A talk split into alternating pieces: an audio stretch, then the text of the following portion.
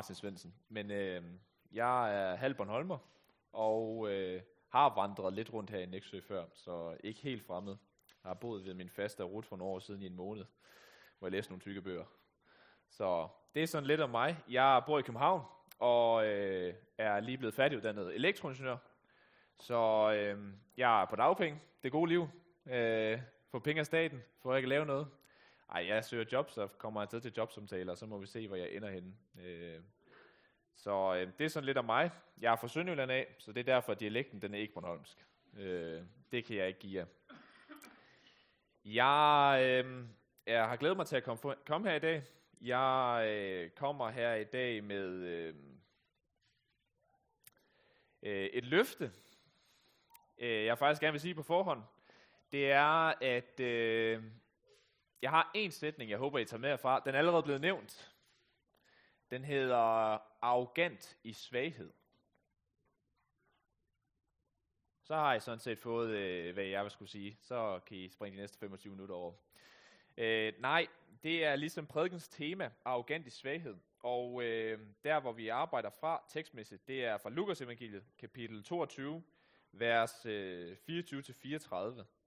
Øh, og det, der ligesom er sket, øh, det er helt til slut i øh, Jesu liv. Han øh, skal snart korsfæstes, og øh, der er det, at øh, der sker ligesom den detalje, det er jo, at han dør. Og hvorfor er det, han dør? Fordi han bliver svigtet.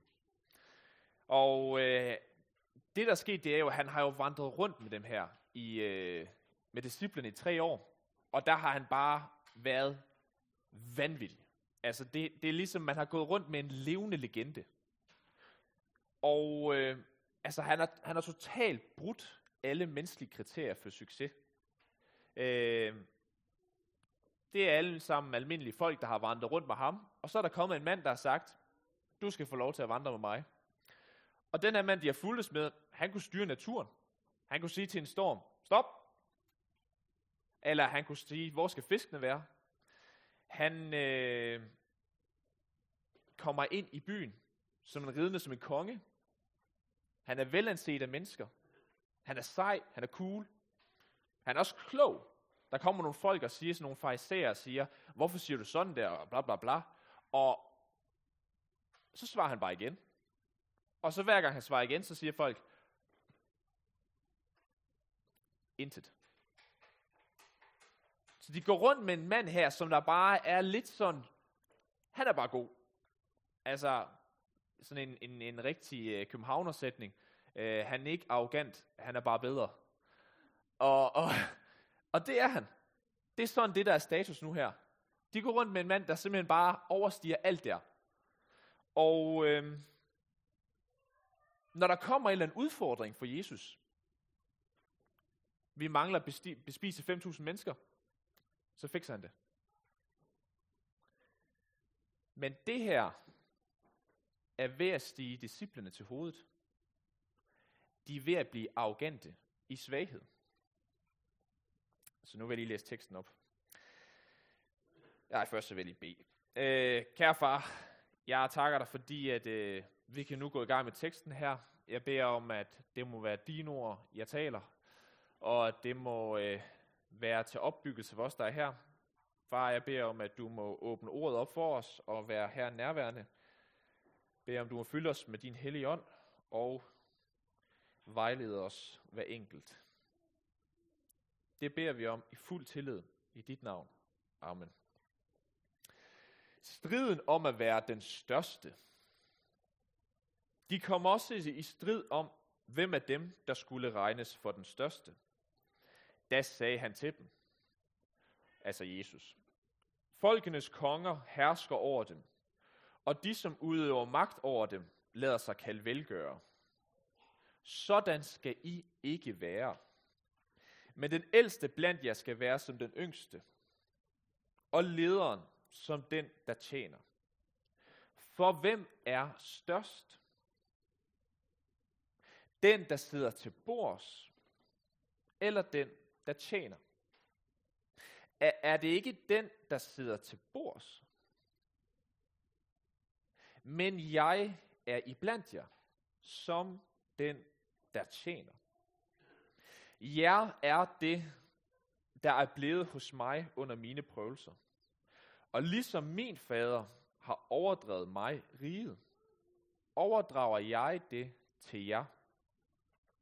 For at I skal spise og drikke ved mit bord i mit rige, og I skal sidde på troner og dømme Israels 12 stammer. Simon, Simon!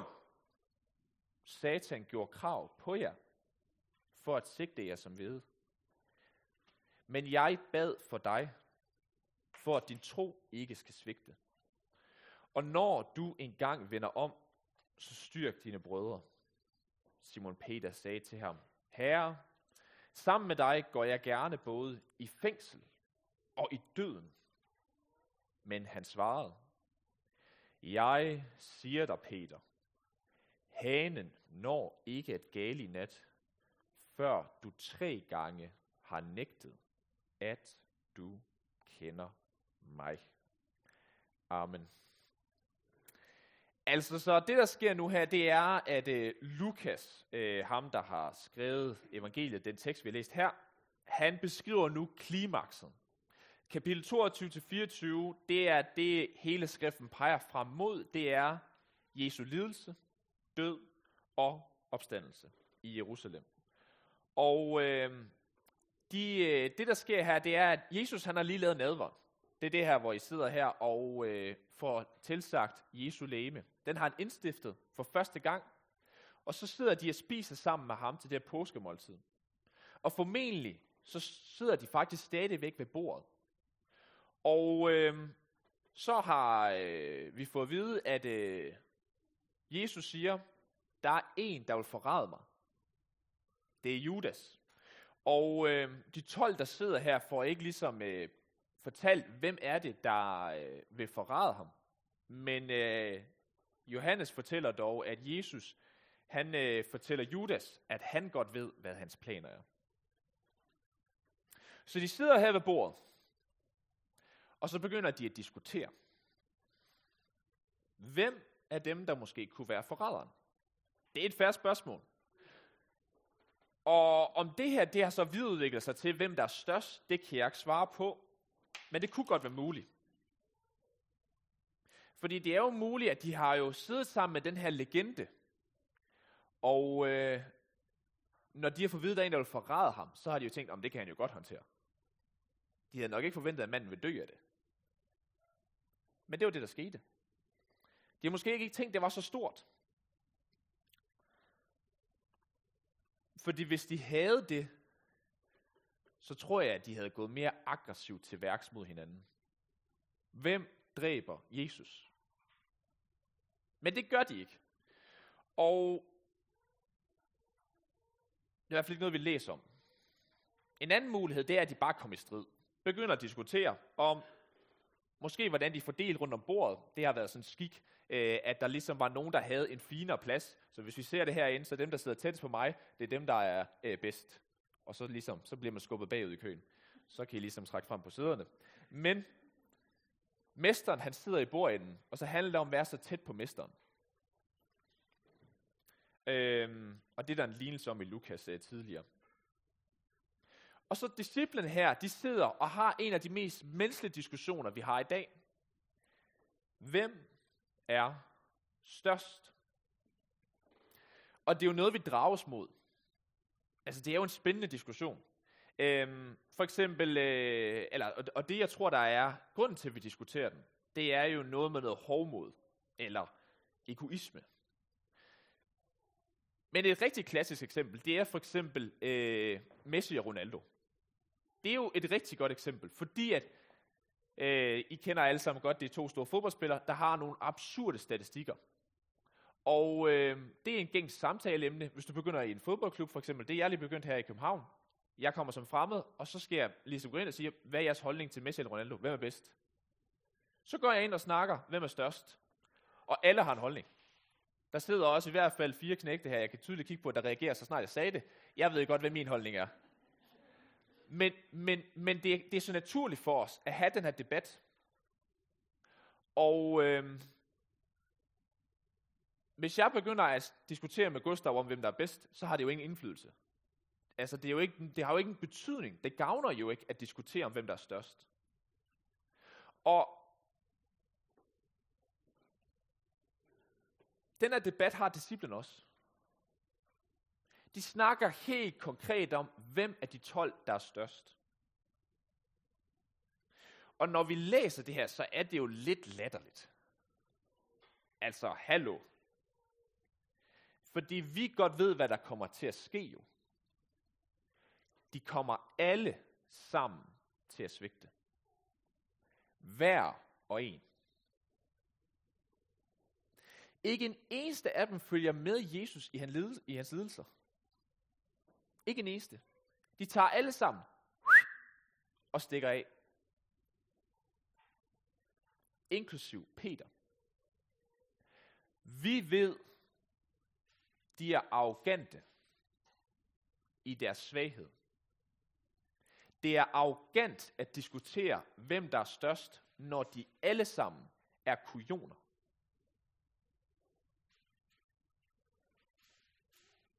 Og det klareste eksempel er Peter. Vi læser i vers 33. Herre, sammen med dig går jeg gerne både i fængsel og i døden. Han vil gå i fængsel og døden for Jesus. Peter var arrogant. Går du ind og googler, hvad betyder arrogant, så betyder det blandt andet en udfordrende selvsikkerhed. Det kan jeg sagtens gøre. Men så galer hanen.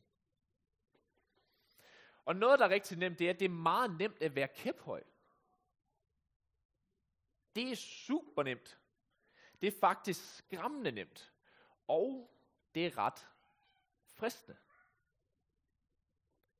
For det er så rart at være arrogant.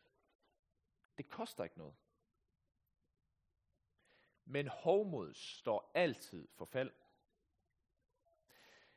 Øhm, der er sket det, at jeg har fået en sød veninde, øhm, og da jeg var single før i tiden, så havde jeg rigtig nemt ved at måske komme med nogle kommentarer om, hvordan man skulle gøre ting i parforhold. Og, at det, det må jeg simpelthen i retroperspektiv sige, der skulle du holde kæft, Martin. Det, det er simpelthen for dumt. Men jeg var meget kæphøj og sagde, I skal da bare kommunikere. Hvordan kan I verden skabe en debat ud af det her? I skal da bare snakke sammen. Ja, nemlig ja. Jeg har lært dig noget, der hedder verbal og nonverbal kommunikation. Jeg kan godt sige, ja, det er fint. Og så kan jeg mene to ting. Det kender I alle sammen godt. Men jeg havde meget nemt at sige, I skal da bare snakke sammen. Hvorfor er I sure på hinanden? Det er bare ikke lige helt så simpelt, når man kommer i praksis, må jeg sige. Det... Og det, der er interessant, det er jo, at arroganthed, det bliver gennemskuddet af Jesus. Af Gud. Øhm. Men en interessant vinkel, jeg ikke har tænkt over, det er, at det gør den nok også af djævlen.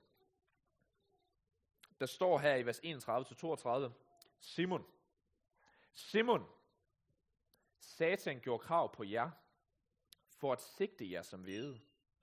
Men jeg bad for dig, for at din tro ikke skal svigte. Og når du engang vender om, så styrk dine brødre. Jesus beder for disciplene, selvom de er arrogante. Og når du engang vender om, så styrk dine brødre. Peter, han har vandret med Jesus i tre år. Han har gået på vandet, og så siger Jesus til ham, du er ikke omvendt. Prøv at tænke, hvis jeg står her på talerstolen og siger det ud til jer, du er ikke omvendt. Oh. Øh. Men det er fordi omvendelse, eller anger, sammenlignet med arroganthed, hører ikke sammen. For Peter anerkender jo ikke Jesu ord om, at han endnu ikke er vendt om. Når du engang omvender dig, og hvad siger Peter igen? Jeg vil gå i fængsel. Jeg vil gå i døden. Han lytter slet ikke efter, hvad Jesus siger. Og i bagklogskabens klare lys er det jo helt simpelt for at sige, Jesus havde ret. Og det er faktisk meget almindeligt det her. Det er meget almindeligt at blive advaret på forhånd. Lad være med at røre kogepladen, den er varm. Psh, au! Det havde de vist ret i. Du mener ikke advarslen, den gælder lige dig, fordi at du har ventet nok på, at den er blevet kølet af, eller nu er det karikeret. Men I forstår, hvad jeg mener. Og så må du bare blankt erkende, det gjorde det. Jeg skulle ikke have gjort det der. Og det vi glemmer, det er, vi ser altså ikke vores eget liv med fugleperspektiv. Som min gamle mentor sagde, vi er altså ikke bagkloge på forhånd. Og det tror vi tit faktisk. Men Jesus siger til Peter, du er ikke omvendt. Og så er Peter bare helt uenig. Og sådan kan det også være med os. Helligånd kan godt sige til dig, du skal gøre op med den her synd. Du skal snakke med hende, du ikke kan lide. Du skal forsone, osv. Og så kan vi stille os helt uenige og sige nej. Og opføre os som Peter. Og så er du arrogant i svaghed. Du tror, du ved bedre. Men de har den her debat, hvem er størst? Og så tager Jesus og bryder med al normal konsensus. Meget fancy ord. Det er normalt, alle andre tænker. Det tager han lige til. Goddag med en økseskaft. Den giver lige en helt skæv. Det læser vi i vers 24-27. De kommer også i strid om, hvem af dem, der skulle regnes for den største. Da sagde han til dem, Folkenes konger hersker over dem, og de, som udøver magt over dem, lader sig kalde velgøre. Sådan skal I ikke være. Men den ældste blandt jer skal være som den yngste, og lederen som den, der tjener. På hverdagsdans, der lyder sætningen sådan her. Øh, Denne verdens magthaver hunser med dem, de har under sig. Og selv en diktator ynder at kalde sig folkets velgører. Og det her velgør, hvad betyder det? Jamen det er en person, der hjælper, giver støtte til et projekt, en organisation, et eller andet.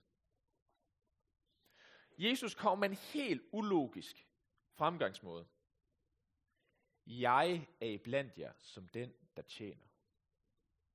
Jesus går rundt som en tjener, og, og er han ikke lederen? Det han gør, definerer ikke, hvem han er. Og han lader ikke sin status styre, hvad han gør. Han er Guds søn, og så hjælper han os. Og vi skal som kristne ikke dømme med værtslig logik i kristen regi. Hvis du skal kigge på din juniorleder eller et eller andet der, så skal du ikke sammenligne ham, sådan som man gør måske i din klasse. Men du skal kigge på, hvordan er det, man kigger i kristenøjne. Der skal lederen tjene. Og det er fordi, du som kristen aldrig opnår en status eller et niveau, hvor du kan sige dig fri for at hjælpe. Du slipper aldrig for at være på fronten. Du skal altid tjene. Og her er faktisk en udfordring, fordi det skal faktisk ikke blive mindre med alderen, tror jeg. Tværtimod. For du skal ikke være centrum af dit liv. Du er en tjener. Og derfor handler det jo ikke om det største. Og en tjener ejer ikke noget. Riget overdrages til os, men det var ikke os, der ejede det. Og så kommer Jesus og tjener for os. Og det ses ved, at han beder for os, som han gjorde for Peter. Og der er stadigvæk folk, som hersker og konger i dag. Jeg synes, det er blevet rigtig øh, tydeligt her på de sidste to-tre år. For eksempel, når vi lavede coronanedlukning, så var det med magt og autoritet, at for eksempel Mette Frederiksen kunne det. Hun er statsminister, men det er, det kunne hun gøre. Og når Putin angriber Ukraine, så er det med magt og autoritet. Som en konge. Ligesom i Gamle Testamente. Og nu er vi 2000 år foran. Det er fuldstændig det samme. Og hvis Danmark går ind og forsvarer Ukraine, sådan helt konkret går ind og sender soldater, så er det også med magt og autoritet. Som hersker og konger. Det er det. Og når vi, hvis vi angriber Putin, og så vi kalder os velgørere, og det gør vi, fordi vi siger, kæmper for ukrainerne, så kan Putin også sige det samme. Han går derind for at hjælpe de russisk sindede. Og Jesus siger bare en simpel sætning. Sådan skal I ikke være. Vi skal ikke være velgørere. Vi skal ikke være konger og herskere. Vi skal ikke gå ind i et eller andet med tanke om at få belønning. Øhm, jeg er uddannet ved Mads Clausens Instituttet i Odense, og øh, det betyder, at jeg har fået, øh, lov, fået punset en masse penge fra Danfoss ind i mit studie. Og det har været super nice. Vi har haft alt det nyeste udstyr. Men hvorfor hedder det Mads Clausen Instituttet og en fancy bygning og Danfoss logo og bla bla bla? Er det bare fordi, han vil være hyggelig og tænke, at der er nogle øh, unge knægter, der lige blevet fat i gymnasiet, nu skal de have lidt mere hjælp videre fremad? Hvorfor han velgør? Det er fordi, så kan han få nye ansatte. Det handler om, at han får uddannet de bedste til sit eget firma. Og så er han en velgør og donerer pengene ud, men det gør jo bare, at der bliver flere dygtige elektroingeniører osv., som han kan ansætte. Han har en bagtanke. Og her er en tjener modsat. Han gør det ikke for egen vinding. Han hjælper ikke en anden for at hjælpe sig selv. Det er kun for at hjælpe. Er din hensigt, når du hjælper nogen, at hjælpe dig selv? Godt spørgsmål. Jeg siger ikke, at du skal lade være med at gå gode gerninger. Slet ikke. Der er en stor forbandelse ved at lade være. Gud og hjælp. Men du skal hjælpe for at tjene, ikke hjælpe for dig selv. Fordi over for Gud får du givet frelsen, men du får altså ikke noget ekstra vis frem. Intet. Og Jesus han ser igennem de her fromme hensigter, når de siger, hvem er størst? Åh, oh, men jeg er så god, jeg har doneret en tiger, eller et eller andet. Så kommer man bare med en mærkelig logik, der er bare sådan, den største skal være som den mindste. Og, og, og, og, og det, det er altså faktisk et almen koncept i kristendommen. I Matteus evangeliet, der er der en lignelse om vingården, og hans, øh, øh hvad nu, øh, han går ud og ansætter folk på daglejre, og nogen dem ansætter han til at arbejde 12 timer, og nogen arbejder 1 time. De får alle sammen en denar. De får alle sammen frelsen. Om du har arbejdet 1 time eller 12 timer, om du har gjort en kæmpe indsats eller ej, så har du intet ekstra over for Gud. Og det er ikke fair. Hvorfor fortjener jeg ikke at gøre noget ekstra, når jeg har taget her hele vejen til med færgen, med kørt bil og herover et eller andet bonus? Hvorfor fortjener jeg ikke at blive stor, når jeg går herned og tjener? Sådan er det jo normalt. Jeg laver min lektier, så får jeg gode karakterer. Det er da ret normalt.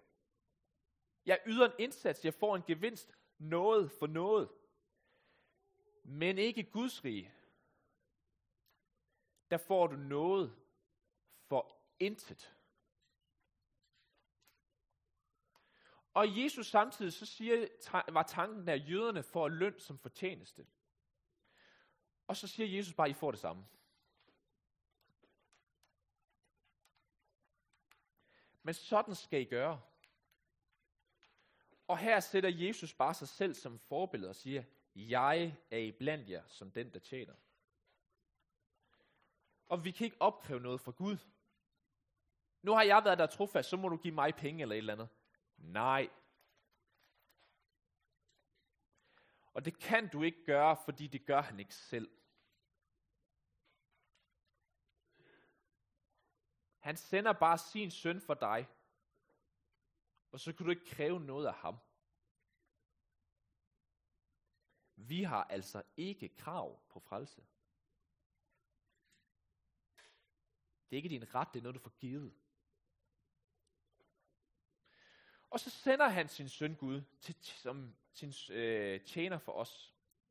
Som den mindste. Han lider jo for os. Han kommer op på det kors derop, fordi det er altså ikke, det her det er et torturredskab.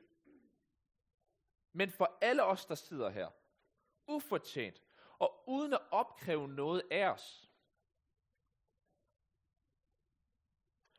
Og så må vi bare have tillid til også, at Jesus ved bedst. Og det kan godt være, at det ikke matcher, hvad jeg tænker. Jeg synes, jeg skulle få noget for det. Noget på en måde, men det er også ulogisk, at Gud sender sin søn, og så skal vi ikke tilbagebetale. Men det er bare sådan, det er. Og det er derfor, at du som kristen skylder Gud alt. For han giver dig det bare. Og så tager disciplerne jo og diskuterer arrogant, hvem der er størst, når der er ikke nogen af dem, der kan være stor. Det er arrogant. Interessant pointe. Det er altså ikke første gang. Det er faktisk en af de ting, der sker løbende i evangelierne. Både i Lukas, Matthæus og Markus er der også tidligere beretninger om, hvor at de gør det. Øhm, et eksempel er for eksempel i øh, Lukas øh, 9, 46-48, øh, der opstod den tanke i blandt dem, hvem af dem, der mund, der var størst? Altså langt tidligere. Så kender Jesus tanken i deres hjerte, så tager han et lille barn til sig. Og så siger han, den der tager imod dette barn i mit navn, tager imod mig. Og den der tager imod mig, tager imod ham, som har sendt mig. For den, der er den mindste blandt jer alle, han er stor. Den, der er den mindste blandt jer alle, han er stor.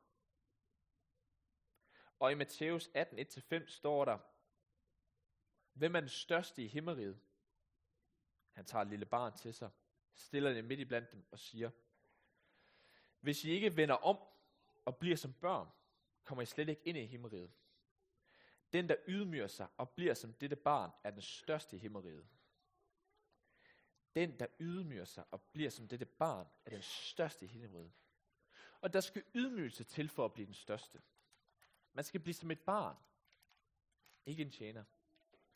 Og det nævnes også i Markus, at de ikke tør stå ved faktisk første gang, hvad det er, de snakker om. Og nu er de ligesom ændret sig, og nu tør de faktisk godt at snakke om foran Jesus. Og men jeg synes du ikke, Peter er stor? Der er sket en progression. Og hvordan har man sådan en diskussion? Du står med manden uden fejl, og så snakker du om, hvem er størst af os? Er det noget med, at de har gjort det bogstaveligt? Hvem er mindst? Okay, så det vil sige, at øh, øh, Lukas han var ret lav, så han må faktisk være ret stor. Var det helt sådan, de sådan sad og tolkede og diskuterede det? Var det helt lavpraktisk? Eller var det lidt mere sådan fromt? Og så må det bare være så pinligt, at tænke tilbage på. Fordi alle svigtede. Og de har haft noget mål efter, ellers var det jo ikke nogen grund til at diskutere. Og det har bare været som om, det var tydeligt, der var en hakkeorden. Det er ikke en mulighed, at alle er lige. Interessant spørgsmål. Er det her noget, der stadigvæk kommer frem, når der ikke er meget modgang? Når man er blevet arrogant i svaghed? For en interessant pointe det er, efter Jesu død, så er der altså ikke noget om det her. Hvem er størst? Det er han. Og jeg tror rigtig mange tænker ikke over, at de selv har den her diskussion. Måske ikke så tydeligt, artikuleret, sagt. Den kan altså godt være usagt. Hvad gjorde du, da du gik ind i lokalet her? Du spejlede rundt. Du, du, du, du, rangstige. Der vil jeg gerne snakke med. Hvem er størst? Jeg skal være sammen med den største.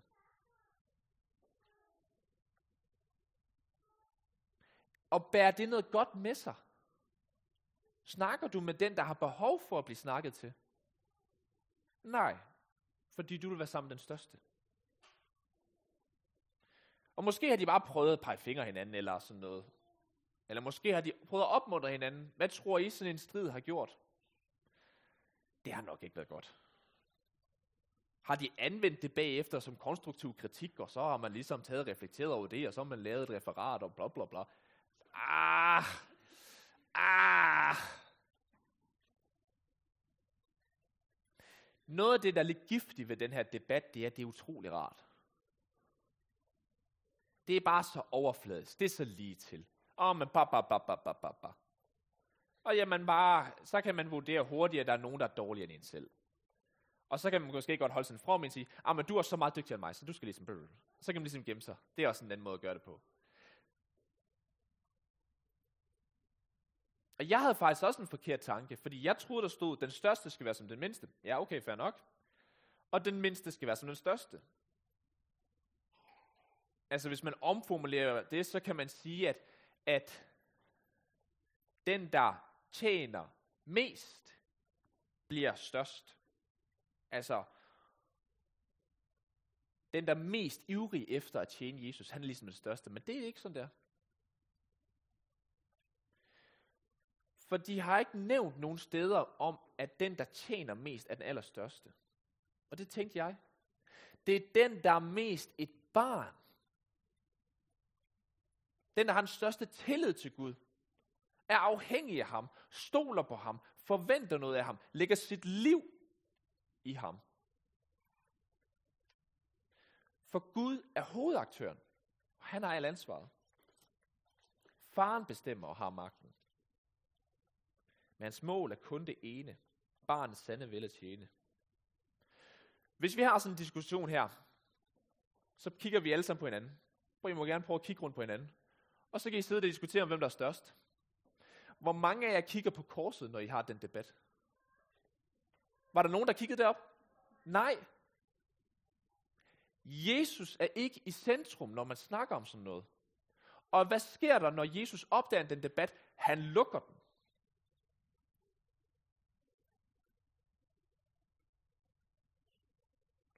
Og du debatterer i svaghed. Du er arrogant. Og det er du lige indtil du bliver ydmyget. Lige der, hvor du fejler. Og så begynder du at holde mund. Og hvad gør du så, når du bliver ydmyget? Når din arrogante svaghed møder virkeligheden. Når du ikke længere kan sige dig fri for bla bla bla, ah, men det er noget, han kæmpede med, nu er det også mig. Og så står du som Peter og hører hagen gale. Kykkeliky! Han havde ret. Jesus havde simpelthen ret. Flygter du så væk fra Gud? Væk fra korset? Tonser væk herfra? Når du pludselig bliver fanget i din fejl. Der hvor du oplever, at Gud ikke udfylder dine menneskelige kriterier. Hvad han skal gøre eller give i dit liv, eller et eller andet. Når det ikke længere stemmer overens med, hvad du forventer. Men hvorfor var det her ikke en succes, Gud? Når dit ideelle jeg bliver konfronteret med dit reelle jeg. Og der er bare mange, der flygter. Ligesom alle dem, der hæppede på Jesus palmesøndag. Da han blev korsfæstet, så stod de ikke op og forsvarede ham. Og så siger du bare til Gud, du skal ikke være min far. Når du flygter væk fra Gud. Og Peter flygtede. Vi flygter. Og alligevel så beder Jesus for os. Simon, Simon, Satan gjorde krav på jer for at sigte jer som ved. Men jeg bad for dig, for at din tro ikke skal svigte. I har øh, faktisk DLG liggende herude, en bygning herude ved havnen med korn. Og jeg har arbejdet ved DLG, og der gør man det, man tager kornet ind, og så skal det ligesom renses, og så er der sådan nogle små øh, avner, øh, som man fjerner fra selve kernen. Og det er kun kernen, der har noget værdi. Det er det, du kan lave brød af. Og det gør man ved at banke det. Ryste. Slå det. Satan gjorde krav på jer for at sigte jer som hvede. Du går igennem sådan en rysteproces. Nu bliver du presset, udfordret. Nu bliver du fristet. Og det forklarer Jesus her med trængsler. Og det kan Satan ramme os med. Satan han har ingen selvstændig magt. Han er Guds lænkehund, siger Luther. Altså han kan kun gøre så meget, som Gud tillader det. Men vi kan blive udsat for trængsler og prøvelser også. Og der har Jesus sagt, at han tillader faktisk, at Satan ryster Peters tro. Så voldsomt, at han har brug for Jesu forbøn. Men han siger også, Peter vil vende om til Jesus.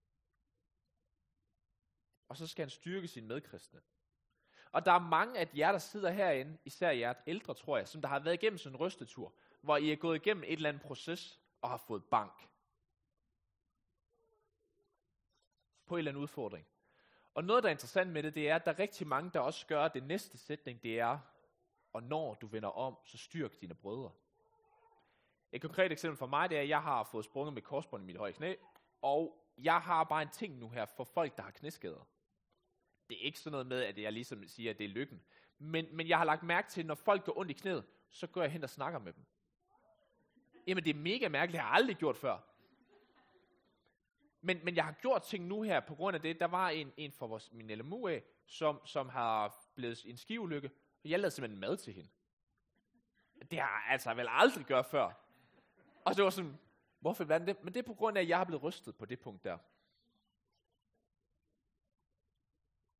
Og sådan er der mange af jer, der gør det med på hver sin måde. Der er stået i en prøvelse, og så pludselig så bærer det god frygt.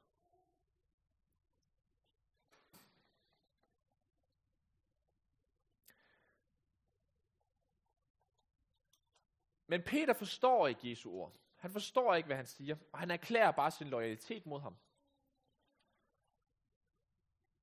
Og så siger Jesus, hvordan han skal svigte. Og nu har Jesus forudsagt både Peters fornægtelse og Judas forræderi, men også forskellen på de to. Satan får Jesus, øh, hvad nu, får Judas, og han gik fortabt, og Satan angreb Peter, men han omvendte sig. Og Jesus beder for os og håber, at vi omvender os. Og det er et skræmmende scenarie. Du får konkret at vide, at du vil flygte. Du vil svigte, når du bliver fristet. Og for eksempel, vi står lige her ved et alter, og der kan man jo blive gift. Og så prøv at forestille dig, hvis vi får at vide af præsten, ja, du kommer til at svigte din kone. Og du kommer til at gøre sådan og sådan og sådan. Øh, ja, jeg vil gerne giftes. Men, det er så skræmmende at få malet sig svigt på forhånd. Og Jesus vidste, at Peter ville svigte. Og han beder alligevel, og det viser bare noget fantastisk ved Jesu kærlighed. Ved Guds kærlighed. Jesus elsker Peter og går i forbøn for ham. Selvom han svigter tre gange. Og det gør han også for hver enkelt, der sidder her. Og du står nu sammen med din ægte mand, Jesus. Og han vælger at bede for dig, selvom han ved, at du svigter ham. Sikke en kærlighed. Kære far, jeg takker dig, fordi at på trods af, at vi kan være arrogante i svaghed, så går du ikke væk. Jeg takker dig, fordi at det, øh, det, er, det er helt ubegribeligt for os, hvordan at det sker. Men vi ved, det er det, du gør. Det er det, vi kan læse. Jeg beder om, at det må trænge ind i os. Jeg beder om, at det må give os formodighed til at søge dig. Far, jeg beder om, at du vil være med menigheden her. Vil du velsigne hver enkelt, der er her, dem, der ikke kunne være her i dag. Og jeg beder om, at du vil give dem det, de trænger til. Far, det beder vi om i dit navn. Amen.